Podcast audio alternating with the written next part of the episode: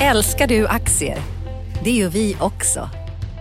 Sea Worldwide Asset Management är en av Nordens största oberoende aktiva aktieförvaltare och har samlad kunskap sedan 1986. Ta del av vår kunskap på seaworldwide.se. Bokstaven C, worldwide.se.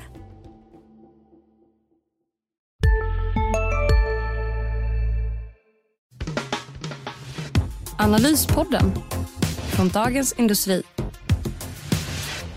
Hej allihopa och välkommen till Analyspodden, Dagens Industris analyspodd där vi pratar om eh, börshändelser och allt möjligt på finansmarknaden. Det är skärtorsdagen och det är halvdag på börsen men det betyder inte att det är mindre lugnt för det utan det är fortsatt hektiskt och vi har mycket att prata om. Eller vad säger du Felicia? Jo, nej, men det händer grejer till höger och vänster både på börsen och i makrovärlden.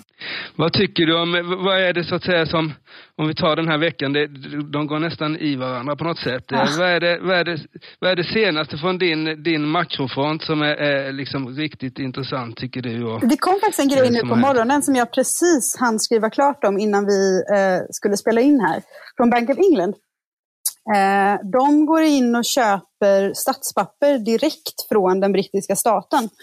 Eh, det kallas monetär finansiering på lite så här lökigt eh, ekonomspråk. Mm. Och det är en sån här klassisk liksom vattendelare lite grann. Att det finns de som, som tycker att det är en jättebra idé att, att centralbankerna istället för att som i normalfallet gå till andrahandsmarknaden och köpa statsobligationer för att trycka ner räntorna, att man då köper direkt från staten och hoppar över den här mellanhanden som ett sätt att liksom, minska volatiliteten och, och underlätta finansieringen, särskilt i ett läge när, det, eh, när budgetunderskottet väntas bli högt. Nu tror man ju att, att Storbritanniens budgetunderskott kommer vara åtminstone i paritet med, med de vi såg under finanskrisen i år i och med coronavirusutbrottet.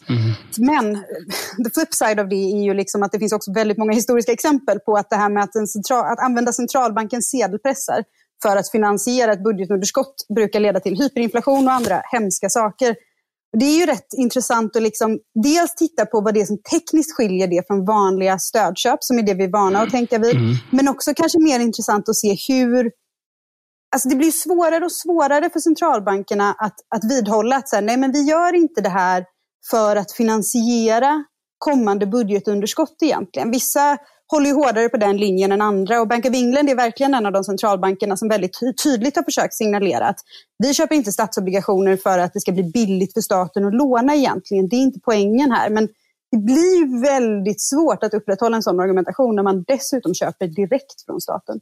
Så den tyckte jag var rätt intressant. Mm. Eh, något annat då? Eh, vi har ju haft eh, oljekris och en Ja. galopperande arbetslöshet och, och eh, vi har en företagsobligationsmarknad som inte funkar och vi, ja, och vi har väl haft räntespread även bland länder och sånt där, eller hur? Det kanske har varit ganska lugnt, eller vad, Alltså- vad är det mer? Vad, Det, det har ju varit ett, en ny sorts lugn i bemärkelsen att det mesta den här veckan känns som att det har kommit ungefär som man tänkte sig. Om man tar arbetsmarknaden till exempel så, så såg vi ju höga varsel och en ordentlig stigning i antalet ny, nya inskrivna arbetslösa hos Arbetsförmedlingen i början av veckan. Men det var ungefär vad man hade tänkt sig och i nuläget så handlar det fortfarande om liksom att få en känsla för storleken på den här krisen. Och det, det vi ser ger oss fortfarande inte riktigt någon bra känsla för hur länge den ska vara, vilket ju är en viktigare fråga nästan än, än hur djup den blir. Eh, Så i det perspektivet. Däremot, du, du nämnde en grej som jag har funderat mycket på, eh, men inte riktigt hunnit sätta mig och titta i detalj på än, och det är det här med företagsobligationerna. Alltså den Mm. europeiska marknaden är ju inte jättestor, men om man tittar på den amerikanska marknaden så, så har jag sett väldigt många börja prata om det här begreppet fallna änglar, alltså företag som går från investment grade till skräpstatus nu. Eh, och det verkar ju ske i en väldigt, väldigt hög takt. Framförallt då i USA där den här marknaden är väldigt stor.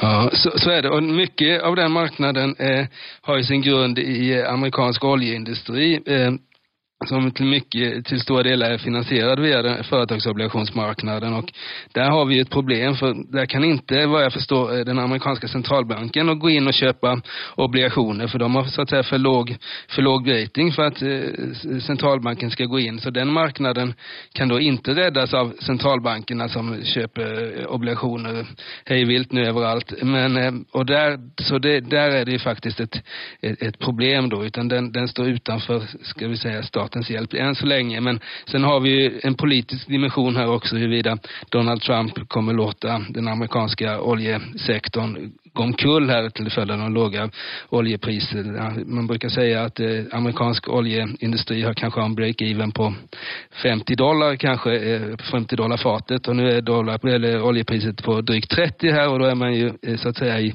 konkursmässig egentligen. Men, men jag undrar om Donald Trump vill, vill så att säga återigen bli beroende av Ryssland och, och Saudiarabien eller OPEC-länderna utan han vill nog gärna ha en, en inhemsk oljeindustri. Så där får vi se om, om så att säga att om, om The Fed kan hjälpa dem så kanske man får göra det från, eh, från så att säga federalt håll istället eh, på något sätt med några stöd. Men det är ju en intressant fråga och det, det är ju eh, eh det är ju det gör ju just den delen av företagsobligationen i kaos i, i, i USA. Tar vi den svenska så har ju vi har ju mycket av, eh, av fastighetssektorn senaste årens finansiering och alla dessa företags, eh, fastighetsköp de har gjort, den är ju finansierad av, med hjälp av obligationer då, företagsobligationer. Den där marknaden är ju nu eh, riktigt jobbig och den är extra jobbig skulle jag säga eftersom det är ett fåtal aktörer som har köpt de här företagsobligationerna. Det är Spiltans fonder och det är Carnegie fonder och ett antal andra fonder. Så det, det är inte, de, de sitter inte på så många händer de här obligationerna och det gör nog också att det kan bli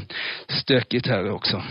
Det var väl det om, om företagsobligationer. Har du någon tanke från, från din horisont kring den här, ja, den typen av finansiering?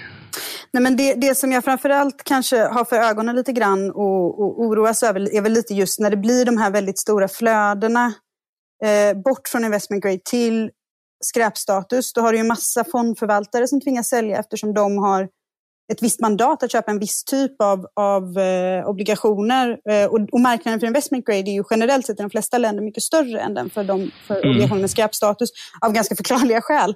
Eh, och som du sa, det är, det är ju, centralbankerna kliver ju inte in på, på de här eh, marknaderna för obligationer med, med, lägre kreditbetyg och bör nog inte göra det heller. Nu har ju Riksbanken börjat köpa företagsobligationer också. Intresset där har ju inte varit så superhögt. De har ju hunnit köpa ett par omgångar nu, men de har inte kommit upp i liksom sitt maxbelopp. Eh, till skillnad från om man tittar på, på de andra obligationsköpen där intresset verkar vara väldigt, väldigt högt i de auktionerna. Eh, och, och, och, det är väl, Riksbanken är kanske inte den aktör som har bäst förutsättningar och bäst erfarenhet för att göra vettiga bedömningar av företagsobligationer generellt. Men framför allt de med sämre kreditbetyg. Så jag tycker ju inte att egentligen man ska ge sig in på det. Men som du sa, det innebär ju ett problem. Man har ju inte den här liksom köparen of last resort på den marknaden på det sätt som man har på andra marknader nu man kanske inte ska hålla på med, eh, vad ska vi säga, hårklyverier i dessa eh, kristider, men, men om Riksbanken skulle börja köpa företagsobligationer i massor här så kommer man ju då rädda så att säga många aktörer som har levt högt på att så att säga, ta höga risker och fått bra betalt och nu ska de då bli räddade. Jag tänker exempelvis på de här, exempelvis eh, eh våra företagsobligationsfonder då som, som så att säga har köpt eh, papper som har givit, eh, givit lite högre ränta och så då ska man liksom inte bli utsatt för den risk som den här räntan egentligen har inneburit. Att man ska liksom rädda massvis av, ska vi säga, eh, eh, ja, risktagare eh, eh, med, bara för att vi har en, en coronakris. Det, det, är möjligt att man måste göra det för att inte liksom spä på den här krisen ytterligare. Men det finns ju någon slags moral hazard resonemang här att vi räddar alla, även sådana som egentligen kanske har gjort sig förtjänt att inte bli räddade. Ja, men, Eller vad tror du om det Felicia? Det tror jag är en jätteviktig poäng att komma ihåg. Inte minst för att om man inte gör distinktionen mellan liksom hjälpa företag att övervintra, den typen av åtgärder kontra att i princip bara ta bort eh, kostnaden för risktagande helt. Då riskerar man ju att underminera förtroendet för den här typen av ganska exceptionella krisåtgärder som ändå behövs nu. Bara för att se till att liksom ekonomin kan klara sig igenom en tillfällig period där allting i princip står stilla. Liksom. Man, man, måste ändå hålla isär de två tycker jag. Och, och det ska ju, får man betalt för att ta risk så måste man ju också ibland ta kostnaden för att ta risk, även i kriser kan man tycka. Men, men det är klart, sen vill man ju inte äventyra liksom man vill inte komma tillbaka till den situation vi var i för ett par veckor sedan när det kändes som att det gungade så enormt mycket på finansmarknaden man liksom inte visste att de skulle hålla. Så det där är ju en svår balansgång. Men jag tycker det, man måste ha det, du, din poäng där, i bakhuvudet hela tiden när man överväger vilken typ av åtgärder som är liksom rättmätiga, eller man ska säga. Du, om vi blickar lite framåt här, vad är det vi, det som jag kan tänka mig, det vi vill undvika i det här skedet. Vi vet ju att det är liksom klart vi vill undvika att företag går i konkurs och sådär. Det tycker jag staten har ett, har, har så att ett stort ansvar. Men det vi, inte, det vi inte vill ha det är ju en fastighetskris på det här. Alltså mm. att det fallande fastighetspriser. Är det, nu har man ju sett då hur eh, antalet affärer eh, har gått ner och det brukar vara ett första varningstecken på att marknaden svalnar av. Men vi har inte sett några prisfall än och det är klart det har inte gått många veckor i, i det här egentligen. Men, men hur, hur, ser du på det där? Kan det här utlösa en, en fastighetskris också? För det är där de största tillgångarna faktiskt sitter hos, hos eh, svensk allmänhet. Jo, men jag funderar mycket på det där, för som du säger, vi har ju sett vissa av de här framåtblickande indikatorerna för bostadsmarknaden, om man säger så, eh, svalnar betydligt. SCBs boprisindikator är ju ett annat sådant exempel. Eh, och det är mm. klart att när man kopplar ihop den allmänna liksom osäkerheten kring hur länge olika åtgärder ska vara och sådär, med det vi ser på arbetsmarknaden just nu, vilket är en väldigt snabb och djup nedgång, eh, så kan ju jag förstå att folk generellt sett blir lite mer försiktiga, att hushållen blir mer försiktiga. Och det bäddar ju någonstans för att det även... Sista dagarna nu på vårens stora season sale. Passa på att göra sommarfint hemma, både inne och ute. Och fynda till fantastiska priser. Måndagen den 6 maj avslutar vi med Kvällsöppet i 21. Välkommen till Mio. Nu släpper vi en ny podd. Expressen Dock. Einar han går in i fel gård, förstår du? Och sen där, en annan skytt jag tror kommer emot honom och, och fortsätter skjuta. Lyssna på premiäravsnittet. Mordet på Einar, det sista vittnet med mig, krimreporter Nina Svanberg. Hon började skrika på mig. Backa hon började säga. Så vad, vad hände? Så hon bara, han är död. Så jag bara, vad säger du för något? Så hon började skrika, han är död. Så jag sköt honom nu en meter. Lyssna i appen eller där poddar finns.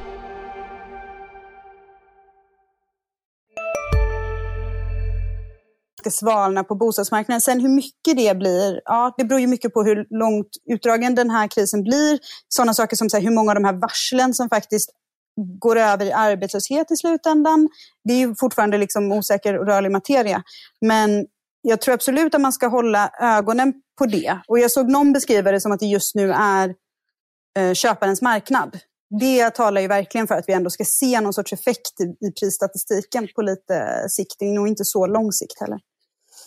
Nej, så är det. Och det, alltså det, är, så att säga, det är väl ingen fara om, om, om så att säga, antalet fastighetsaffärer både på den privata och kommersiella marknaden lugnar ner sig. Det är väl fullt naturligt i sånt här läge. Men så att säga, där tycker jag nog bankerna har ett, ett, ett ansvar också att inte så att säga tvinga fram massvis av försäljningar i, i den här situationen. För, för till skillnad från coronakrisen som vi är inne i nu då jämfört med de andra finanskriserna 08 och tidigt 90-tal och kring millennieskiftet och sådär så är det ju, det här är ju inte orsaken till den här krisen är ju inte ekonomisk utan den är ju mm. medicinsk på något vis och då, då tycker jag att det vore väldigt trist av bankerna om de så att säga skulle, skulle eh, se till att det blir tvångsförsäljning av olika tillgångar, fastighet och annat just i detta skede som man ändå får räkna med blir ganska temporärt. Alltså det kan ju komma, ta lång tid att komma tillbaka till normal nivå men det är ändå liksom så fort smittan är över så kommer vi liksom pilarna peka uppåt igen. Sen mm. är det lite oklart om det blir en snabb uppgång eller om det blir en långsam uppgång. Det där tror jag nog att, att eh, i början av corona, eh, så att säga, krisen här så räknade man med ett snabbt V, att det skulle liksom vända tillbaks till, till normalläge igen. Nu känns det ju som att folk mer och mer börjar inse att det kommer ta tid innan vi kommer tillbaks, ska vi säga, till det som, läge som var i januari, januari 20 eller så, eller vad, vad tror du om det? Jo, men det, ja, det känns som att de flesta har flyttat från det här V till någon sorts U, där det blir mer utdraget. Det gör ju att jag som alltid är en sån pessimist flyttar mig ännu längre bort och kanske börjar titta på L eller någon sorts dubbelsmält i hösten eller sådär. Ja, lite i som, aldrig, som aldrig bottnar. Exakt. Nej, riktigt så illa tror jag inte att det blir.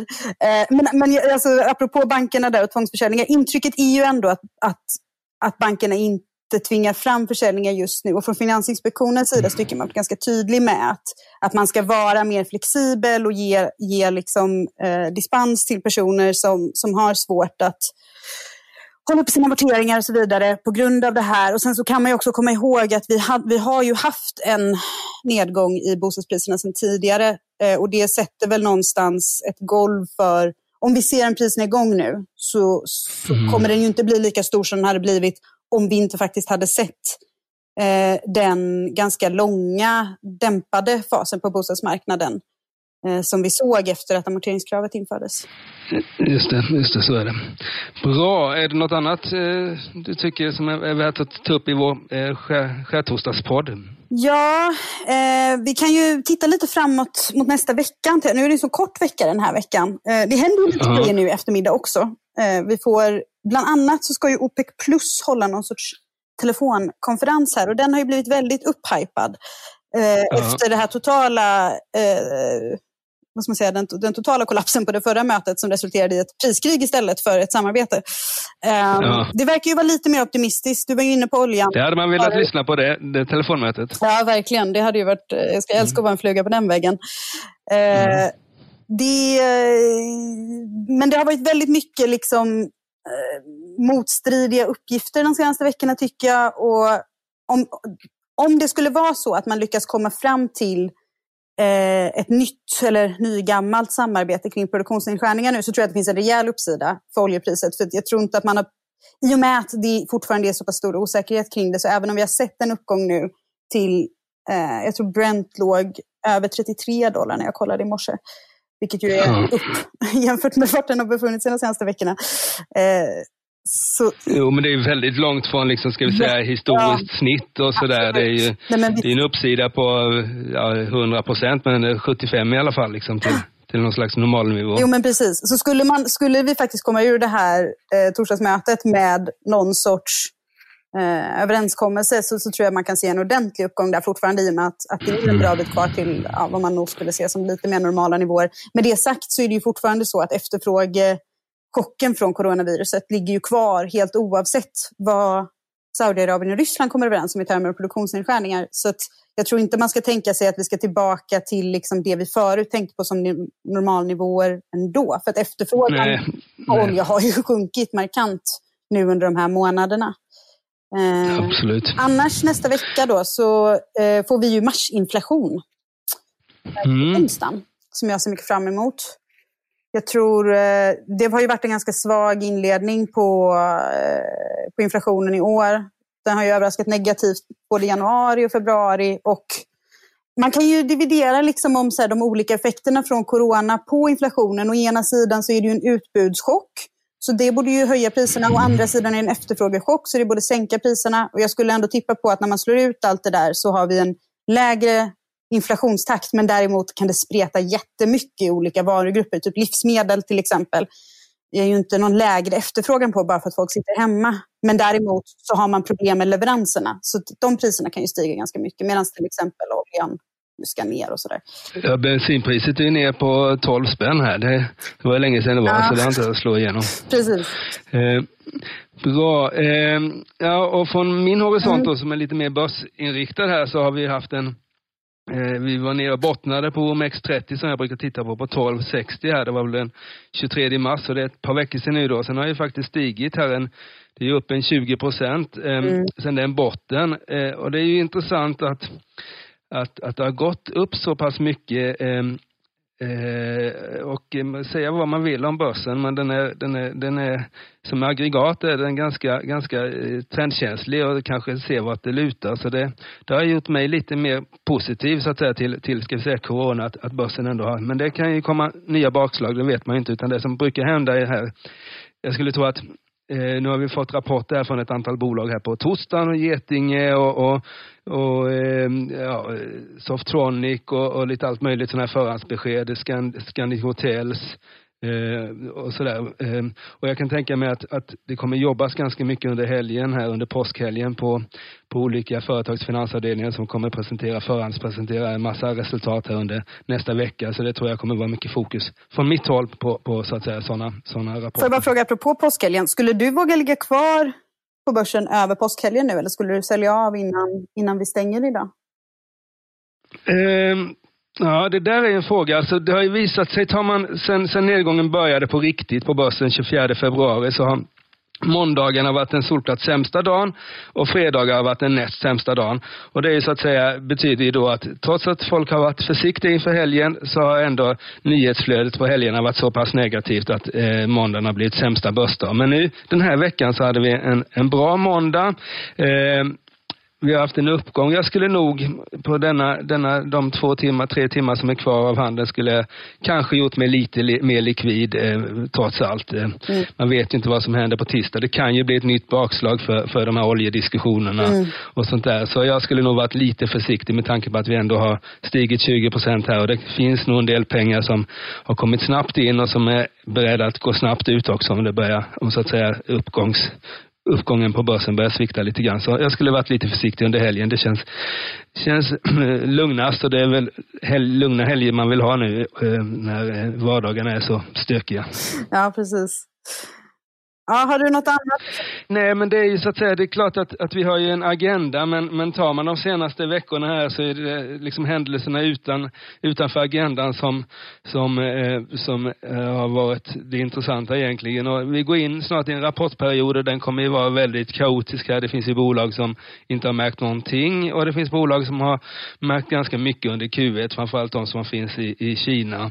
Och sen så har vi ju då Q2-orna, där har vi bara varit så att säga, vi bara nio dagar in i, i Q2 men det vore ju, det vore, jag tycker det vore en uppmaning till bolagen att ändå försöka liksom sortera ut hur, hur det gick i januari, februari jämfört med mars och hur det ser ut i första dagarna i april eftersom världen är så annorlunda nu. Så de här Q1-rapporterna ska man nog använda till att försöka ge ge folk lite vägledning om hur det ser ut just i detta nu. Och sen så blir det ju en väldigt intressant diskussion om kassaflöden och sådär och vilka bolag som behöver, behöver stärka upp sina finanser. Vi har ju sett exempelvis till och med H&M har, har tagit upp ett lån på 10 miljarder här för att, för att så att säga säkra sig och det kommer nog bli mycket sånt också eh, i rapporterna. Okej, okay, eh, jag tror vi kanske stannar där. Eh, det är ju en eh, kortare idag så vi kanske kör lite kortare analyspodd också. Eh, tack för att ni har lyssnat och eh, när ni eh, också sitter framför datorn eller telefonen får ni gärna lyssna på våra övriga poddar. Vi har en mängd sådana, eh, eh, en mängd antal sådana nu för tiden. Eh, vi har ju en ja, Förnuft och känsla som är vår ledarskapspodd och vi har Makropodden och vad har vi mer för poddar Felicia? Vi har ju Digital har sin podd Digitalpodden och så kan man ju mm. lyssna på Ekonomistudion från DITV och eh, på våra morgonpoddar varje dag för att få lite vanliga hedliga nyheter också. Precis, eh, och det tycker jag och vi att ni ska göra och eh, eh så får ni samtidigt se till att ha en lång och skön ledighet denna påskhelg. Tack ska ni ha och eh, trevlig helg. Trevlig helg. Analyspodden från Dagens Industri. Programmet redigerades av Umami Produktion. Ansvarig utgivare Peter Fellman.